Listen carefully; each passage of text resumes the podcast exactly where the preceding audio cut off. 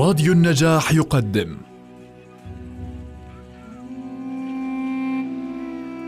المسلسل الإذاعي صلاح الدين الأيوبي للكاتب وليد سيف والمخرج حاتم علي.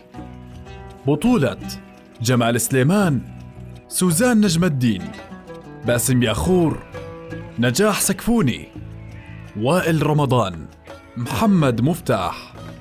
أنتجه للإذاعة أسماء فرج الله مهندس الصوت محمد علي. التأليف والتوزيع الموسيقي طاهر ماملي.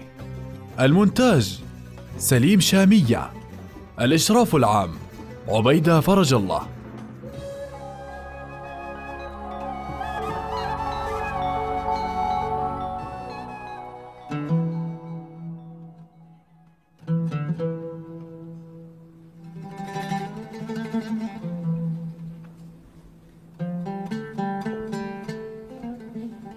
صلاح الدين بمثل هذه السعادة. لو رأيته يا أبي اليوم وهو يمشي كالمجدوه. بل المجدوه أخوه كأنه لم يخرج من الريف قط وهل هناك مثل دمشق؟ حقا إنها لجامعة لا يطلب أحد فيها غاية إلا وجدها. صوفية وأحداثا وحواة وعلماء ومآكل ومشارب. لم أرى يا أبتي في حياتي مثلها. أكمل. ونساء جميلات. ألا تخجل من أبيك يا تورنشاه؟ فإن لم تخجل من أبيك ألا تداري ذلك عن أخيك الصغير الخجول الذي لما يخبر الدنيا بعد؟ يا سبحان الله. أدرك ولدك يا أبتي. إذا ظل صلاح الدين في صحبة أخيه هذا فاقرأ عليه السلام وانفض يدك منه. لو سمعته وهو يتحدث عن سهام العيون وعن مجاهدة الفرنجة بالاستكثار من النساء إذا لظننت أنه ليس بيننا وبين تحرير الساحل إلا بضع نساء وجوار يصيبهن شاهنشاه هل في هذا معصية؟ اللهم لا. لا أشهد عليه بسوء. اللهم لا. إذا فنعم. إذا كان يعني الإكثار من الولد فهو على صواب. ها؟ هل تسمع؟ هل تسمع؟ نحن قوم مجاهدون وللحرب نصيبها من الرجال. وبذلك يقل الرجال وتزداد النساء. فمن للأرملة التي مات زوجها في ساحة القتال؟ ومن للبكر التي لا تجد خاطبا؟ شاهنشاه واذكروا نحن آل أيوب قلة. وقد من الله علينا فصرنا في عداد الأمراء المقدمين ومن يدري قد يملك أحدكم يوما. والملك والإمارة يحتاجان إلى العزوة والعدل. تلك أيام لا تنسى. كل ما في دمشق كان يثير دهشتي. الأسواق الأحداث مجالس العلم الزهاد الوعاظ القصاصون التجار. والنساء أيضا. ولم لا النساء أيضا. هل ننكر ما ركب الله فينا؟ إنما ننكر ما يفضي إلى الفاحشة والحرام. كان شاهنشاه أخا أثيرا عندك. وظل كذلك بعد انقضاء أجله وهو في ميعة الصبا. ما تمر ليلة دون أن ترتسم صورته لي؟ ضاحكا مستبشرا مقبلا على الحياة ومدبرا عنها. سيدي الأمير. تعلم يا أيها الرجل أن جعبر حصن صغير وكنا نحسب أن نور الدين زنكي أضعف من والده ولكنه أثبت الآن أنه لا يقل عنه ويزيد عليه بمحبة الناس وإقبالهم عليه من كل صوب لقد هزم ابن جوسلين هزيمة منكرة واستنقذ الرهى ورد برنس أنطاكيا خائبا إلى إمارته وأخوه سيف الدين غازي بعد. وراءه جيش الموصل. وقد اتفق الأخوان وتعاهدا على النصرة وما لنا بهم طاقة. وقد علموا أنك عندنا فما يلبث القوم أن يحيطوا بنا في طلبك. فإما أن نسلمك إليهم أو نهلك معك. هل تفهم؟ ولكن تخرج من عندنا إلى دمشق إن شئت فهي أمنع منا وأقدر على حفظك. وإن كان قتلك زنكي قد أنجانا منه فقد أنجى دمشق كذلك. فهي كما تعلم كانت مطلبه وغايته إلا أنها أجل وأعظم من هذا الحصن الصغير. فتكون جائزتك عندهم على قدر ما صنعت لهم بغير اتفاق. هل تعي ما أقول؟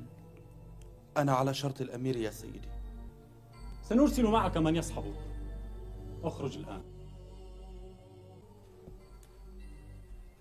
أهلا وسهلا برسل الأمير نور الدين في دمشق. وأما انعقاد الصلة بيننا على المودة التي يرضاها الله ورسوله فهو عندنا كما عند الأمير نور الدين.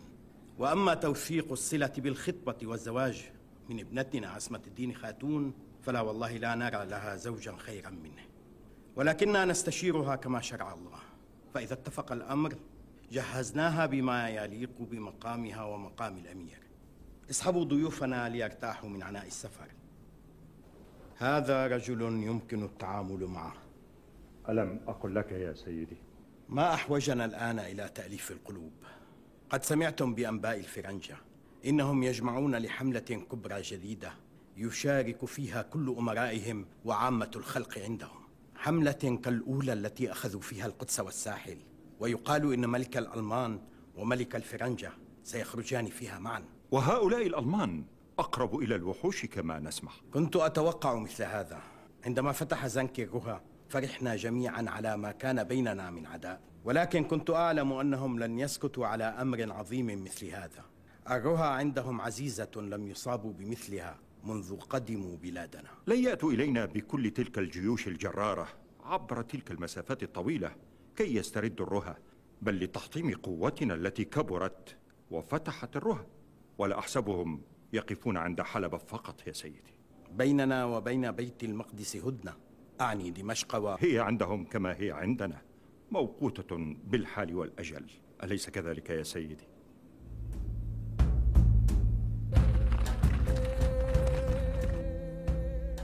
رنقش أنت؟ نعم يا سيدي الأمير. أنا أنا الذي خلصتكم من زنكي. أنا قتلته. لقد كان شديد القسوة يسرف في الدم لكنه انتهى. مات بيدي؟ أنا قتلت زنكي ولن يهددكم بعد الآن. دمشق في أمان يا سيدي في أمان. ألم تلتجئ إلى صاحب جعبر الأمير علي؟ بلى يا سيدي بلى. وقد أحسن إلي لكن خاف أن يطلبني عنده أبناء زنكي وليس له طاقة بهم. فوجهني إلى هنا. قال لي إن دمشق ستكرمك وتحميك. فقد صنعت لها خيرا حين خلصتها من زنكي. خذوا هذا الشقي.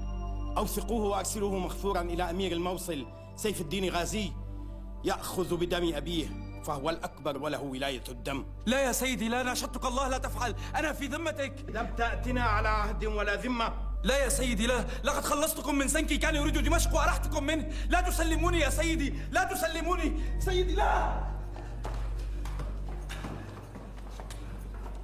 ليس أبغض إلى نفسي من رجل يطلب إمارتي. إلا رجل يغدر بسيده. مراد أهلا وسهلا. تفضل يا ولدي. لا شكرا. أه هذا طعام صنعته أمي لكم. ما كان ينبغي لها أن تتكلف لنا. نحن بخير بفضل الله وفضلك. استغفر الله العظيم. لا تقولي هذا يا عمة لم نفعل إلا ما يقتضيه الواجب. تفضلي. أدام الله لنا أحداث دمشق وفتوتها. هل تحتاجين إلى شيء يا عمة؟ أعني أنا مثل ولدك.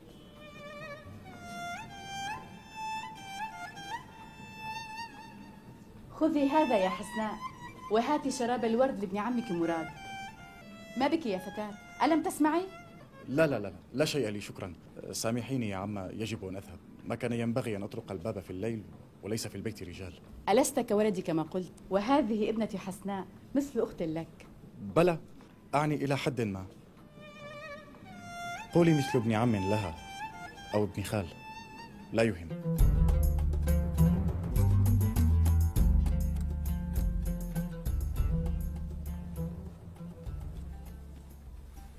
تعلمين يا عصمة الدين أنك أحب خلق الله إلي وأنت كذلك يا أبتي ولا أحب أن تفارقيني علم الله إلا أن هذه سنة الحياة مع البنات من الخاطب؟ إنه نور الدين محمود أمير حلب نعماد الدين زنكي؟ أليس القوم خصومنا؟ لقد أفضى زنكي إلى ربه أما ابنه نور الدين فيبدو مختلفا له بأس أبيه كما ظهر ولكنه أرق فؤادا وأحسن سياسة وهو يطلب انعقاد الصلة بيننا بدلا من الخصومة ولعل الله أن يجعلك سببا لتآلف القلوب ألهذا فقط تزوج المرأة؟ ماذا أفهم من هذا؟ وسيلة بين الأمراء لأغراض السياسة؟ إن لم يرسلوا جيوشهم للقتال أرسلوا فتياتهم للزواج؟ ألا يرضي الفتاة أن تكون خيرا من جيوش الرجال؟ ويرضيها أيضا أن تتزوج الرجل لذاته لخلقه وخلقه يقع في نفسها وقلبها. ويح النساء ما تفعل بهن أشعار الغزل. هذا ما كنت تعكفين على قراءته في هذه الدواوين. لقد أحببت والله أن تتعلمي وتبزي الرجال لتكوني كما أنت ريحانة أبيك. ولكن شعر الغزل. أعني يا أبتي ماذا لو كان الرجل قبيح الوجه؟ سيء العشرة. إنه أمير حلب. إنما أسألك عن الرجل الذي سيكون زوجي لا عن الأمير. لقد كبرت والله يا خاتون. على كل حال ما سمعت أحدا يذكره إلا بخير وهو بعد شاب حسن الخلقة والآن ماذا قلت؟ أتستشيرني حقا؟ هكذا أمر الشرع مم. وإن قلت لا. أمتثل للشرع ثم أخرج من هنا وأشرع في تحصين المدينة وتجيش الجند وأستعد لحرب مع آل زنكي يتفانى فيها الطرفان ويقتل فيها ألوف الرجال. ومن يدري؟ ربما كان أبوك واحدا منهم. لا عليك لا عليك. قد جئتني بحجة لا أستطيع دفعها. بل نحقن دماء المسلمين ونوفر سيوفهم لقتال الفرنجة. إذا كان السبيل إلى هذا كله كلمة واحدة من عصمة الدين خاتون؟ نعم.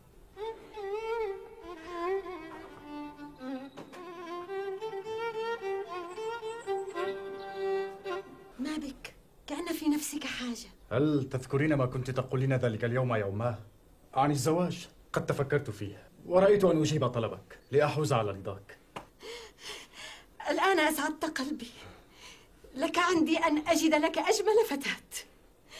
وجدتها يا أماه وجدتها. حسناء ابنة السيدة زينب. فقط لتحوز على رضاي ها؟ لا بأس يا أماه وأحبها أيضا. ألا يرضيك ما يرضيني؟ بلى بلى. أخبر الأمير نور الدين أنني بعثت إليه بمهجة القلب. جعله الله زواجا مباركا.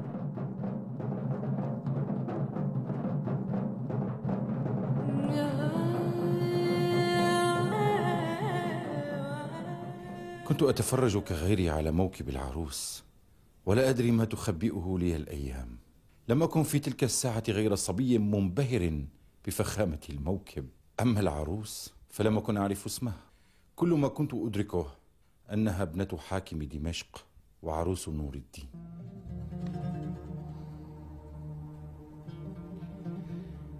عندما يسترجع الإنسان موقفا قديما في ضوء ما جرى بعد ذلك من وقائع وأحداث لها صلة به يغريه أن يلقي عليه معاني جديدة من وحي حاضره ومستقبله. ولكن هذا وهم. لا لم يخامرني في تلك الساعة أي إحساس بما سوف تؤول إليه الأمور فيما بعد وإن كنت كأي صبي يشاهد موكب عرس يتخيل عرسه وعروسه في مستقبل الأيام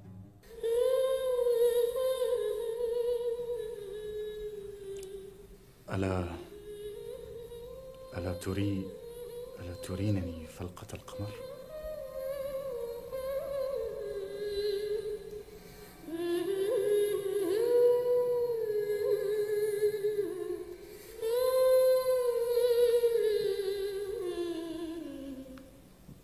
ما بات رجل في الشام كلها.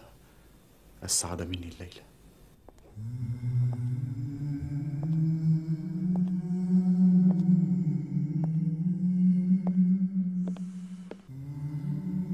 السلام عليكم. وعلى الأمير السلام. الآن وقد نظرت إلي لأول مرة. أفلا أنظر؟ ألم يقل الرسول الأعظم صلوات الله وسلامه عليه فلينظر إليها ولتنظر إليه فإن ذلك أحرى أن يؤم بينهما؟ ألا يكون ذلك قبل الخطبة يا سيدي؟ بلى ولكن فإن وجدتني الآن قبيحة المنظر هل تردني إلى والدي؟ لا والله لا أفعل إلا أن ترغبي أنت عني لما لا تفعل؟ أخير من ذلك أن تبقيني على ذمتك وتنصرف عني؟ إن كان ذلك لا يضيرك أفليس ظلما لي وأنت بعد توصف بالعدل؟ الآن وقع العدل نعم يا سيدي. وقع العدل لكلينا. اسمعي يا خاتون. ثمة أمر ينبغي علي أن أفصح عنه من الآن. لقد اعتدت في قصر أبيك ما لن تجديه هنا. أعني لقد نذرت نفسي للجهاد واخترت الزهد والتقشف في نفسي وأهلي وأعيان دولتي. أتراك تخيرني كما فعل عمر بن عبد العزيز رضي الله عنه مع زوجه فاطمة حين تولى الخلافة؟ أن تبقى معه على ذلك الشرط أو تفارقه؟ وعندك كل هذا العلم؟ لماذا تستكثرون العلم على الحرة يا سيدي؟ ولا تستكثرونه من الجارية. يعلمونها الشعر والأدب واللغة فضلا عن عن الأمور الأخرى. ألكي يغلو ثمنها؟ تكاد الحرة إذن أن تحسد الجارية. لم يخطر لي هذا من قبل. على كل حال عمر بن عبد العزيز نعم المثل ونعم الأسوة. ولكن عمر بن عبد العزيز رضي الله عنه خير امرأته وهي زوجته منذ أمد وما فعل حتى تولى الخلافة. فكيف تخيرني الآن يا سيدي؟ وما خطبتني من غير أن تراني إلا لداعي السياسة. فهل انقضى داعي السياسة لكي أختار؟ إن لك منطقا. ما علمت قبل الآن أن للنساء منطقا. ولكن نعم. وحق الله انقضى الآن عندي داعي السياسة وبقي عندي داعي ال... داعي الميل والإعجاب. الآن أختارك مع التقشف الذي اخترت نفسي به الأولى للقلب والثانية للدين. فلك الخيار من بعد. أختار ما اختاره سيدي.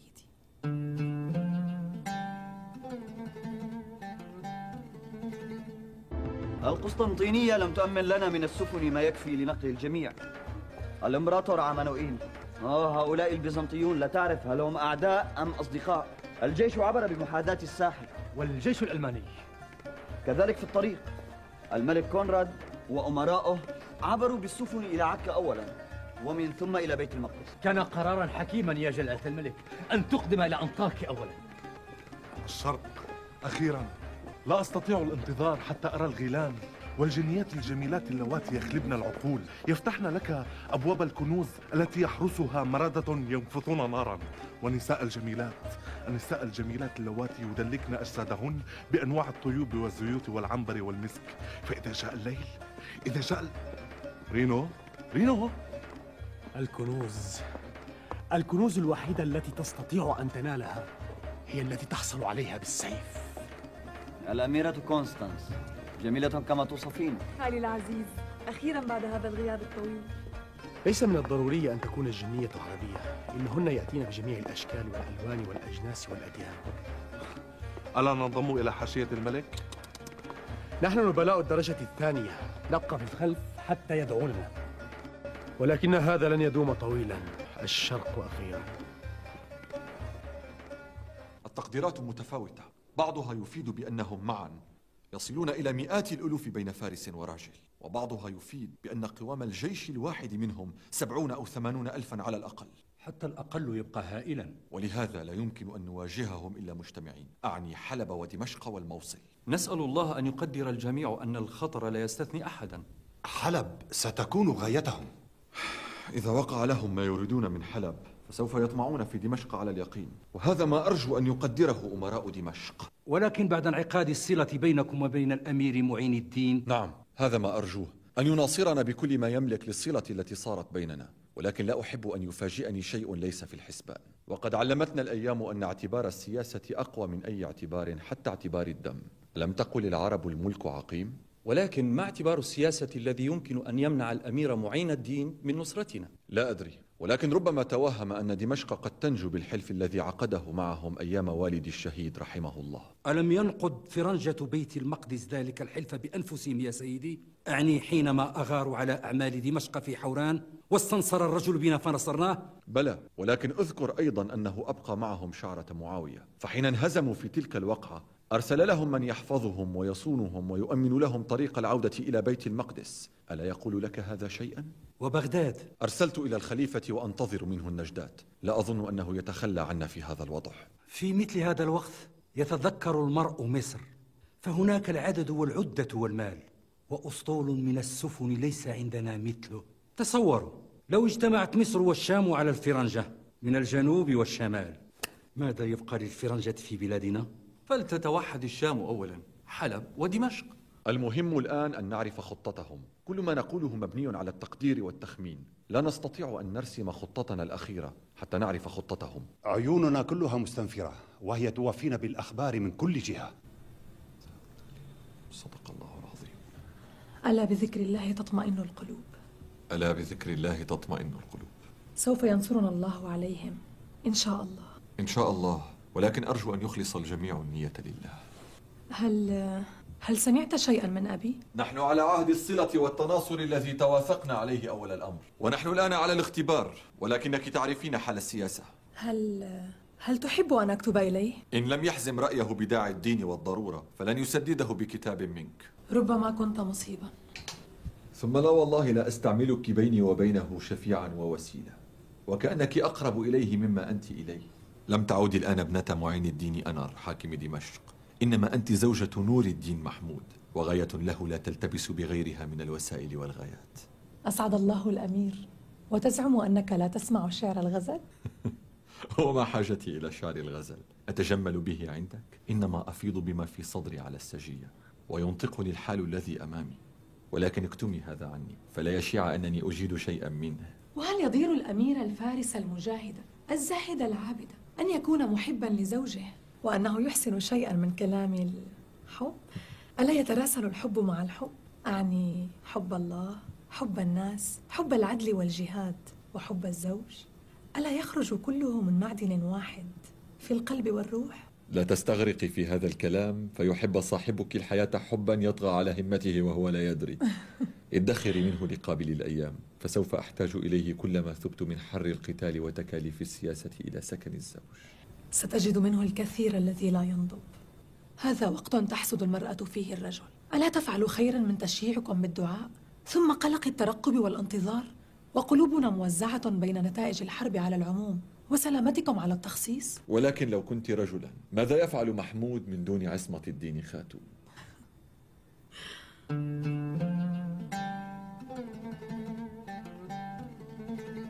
حلب يجب أن تكون القصد والهدف العاجل. بل الرها الرها أولا.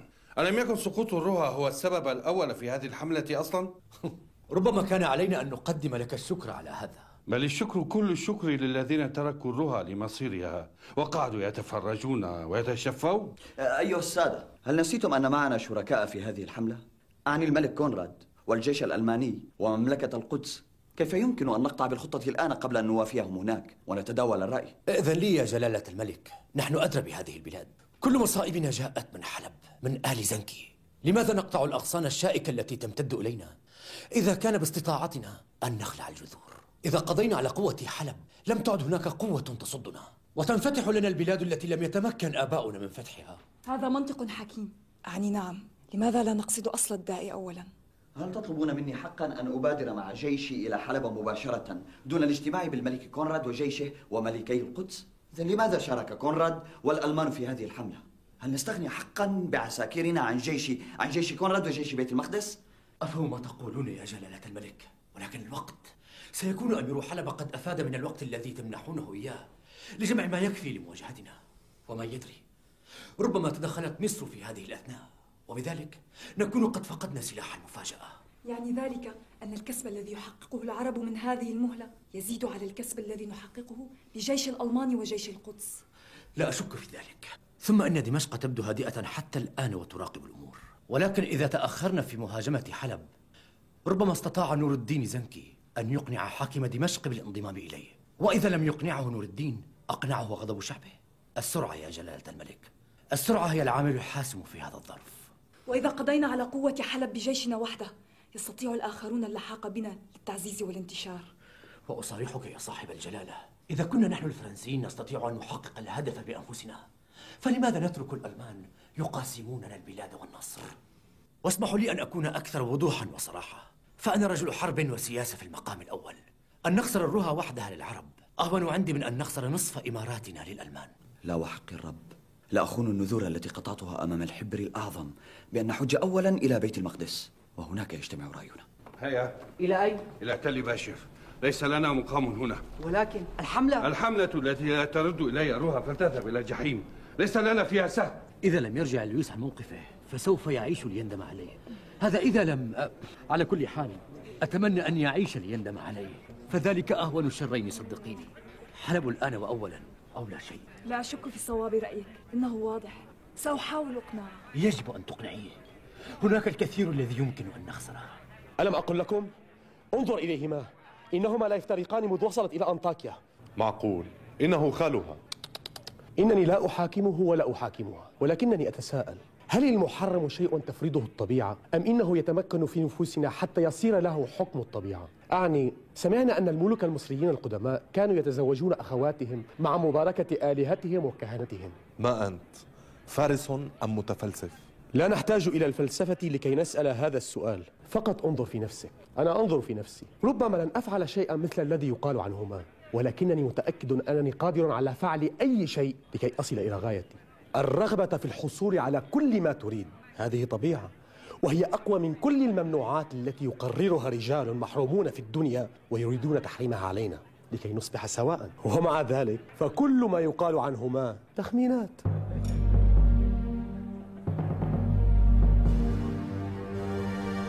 هل كان يجب أن تؤيدي رأيه ضد رأيي وأمام الآخرين؟ ولكنه على حق يخاطب العقل هنا. وعقلك أكبر من عقلي؟ بحق الرب. هذه ليست منافسة بينك وبيني أو بينك وبينه. إنها مسألة تتعلق بمصير هذه الحملة. ريموند لا يقرر مصير هذه الحملة. لا يقرره ريموند ولكن يقرره العقل والحكمة وحسن التدبير. وأنا أفتقر إلى كل هذا؟ لم أقل ذلك ولكن خالي أدرى منا بشؤون هذه البلاد. اسمعيني. ريموند يتحدث وفق مصالحه هو. أنطاكيا أقرب إلى حلب من أي إمارة أخرى. ومن الواضح أنه لا يثق بمملكة القدس وبارونتها. لديه أسباب قوية وتجارب سابقة. بل هو أناني. يريد أن يستخدمني لخدمة سياسته. إنك تتحدث عن خالي. أعرف أنه خالك ولكن هل تتذكرين أنت أيضا أنه خالك؟ ماذا تعني؟ لست بالأعمى ولا بالأصم. الكل يتهامس بكما. همس ولمس و... لا أصدق هذا. لا أريد أن أسمعه. بل يجب أن تسمعيه وتسمعيه جيدا. إنهم يرونك معه معظم الوقت. لقد نسيت واجباتك الملكية والتقاليد التي تفرض عليك ملازمتي إذا رقصتما لم يشك أحد بأن هذا رقص عاشقين. لا لا أريد أن أصدق هذا. بل عليك أن تصدقيه. أنا لا أقول إنه حقيقة. لا. لكني لن أسمح بأن تلوك الألسنة شرفي. إذا تقطع الألسنة التي تلوك شرفك وشرفي. نقطعه بالتوقف عن أسباب الريبة. بحق السماء إنه خالي. إنني أحبه حبا عظيما ولكن بهذه الصفة. أكثر من حبك لزوجك. وإن لم يكن الحب إن لم يكن الحب فأين الواجب؟ أه؟ واجبي؟ واجبي تجاه من وماذا؟ واجبي هو الذي يفرض علي أن أؤيد رأي خالي لأنه الصواب. واجبي تجاه بلدي وملكي وتجاه هؤلاء الناس الذين تركوا قراهم وتطوعوا في هذه الحملة من أجل غاية عظيمة. اسمع يا لويس لقد استمعت بما فيه الكفاية إلى ذلك الكلام عني وعن خالي. ولا وحق الرب لن أتخلى عن موقفي تجاه أمر كبير يتعلق بمصير هذه الحملة. فقط لكي أبرئ نفسي أمام من لا يجد أفضل من تناقل الإشاعات الكاذبة لتسجية الوقت. ولو أخذت أنت بنصيحة خالي لما بقي معهم وقت للتفكير في مثل هذه الترهات والآن إذا أصررت على موقفك تستطيع أن تذهب وحدك إلى القدس. أما أنا فأبقى في أنطاكيا مع خالي الذي لن يشارك في هذه الحملة إذا تجاهلتم نصيحته.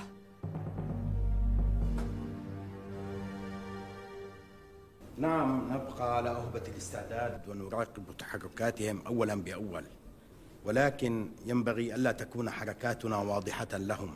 لا نريد أن نحول أبصارهم إلى دمشق فنحن أقرب إلى بيت المقدس من حلب. إذا أحسوا منا شرا حولوا وجهتهم إلينا. ولكننا نعلم يا سيدي أن مصير دمشق من مصير حلب. نعم. ولكن أن تبقى يدنا طليقة لننصر حلب من الخلف خير من أن نجد أنفسنا محصورين ننتظر النجدة. فالمسافة بين بيت المقدس وحلب طويلة بخلاف دمشق وبيت المقدس. فإذا اتجهوا إلى حلب أرهقهم السير. وصار الوقت لنا وعليهم. ولذلك أرى أن نكتم حركتنا ونراقب. ذهبت نصائحي أدراج الرياح. زوجك عنيد ولا يدري ما الذي يفعله. أناشدك بالرب يا سيدي. أن تعيد النظر قبل فوات الأوان. لقد اتخذت قرارك وأنا اتخذت قراري. ولم يعد لديك ما تقوله. ولكن أنت ما الذي يبقيك هنا ونحن على وشك البسير؟ قلت لك أنا باقية هنا. هذا ما تظنين. هيا. هل كان يجب أن أذكرك أنني الملك؟ وأنا الملكة. وزوجة لويس الملك ولن أبدأ حملتي بهزيمة شخصية.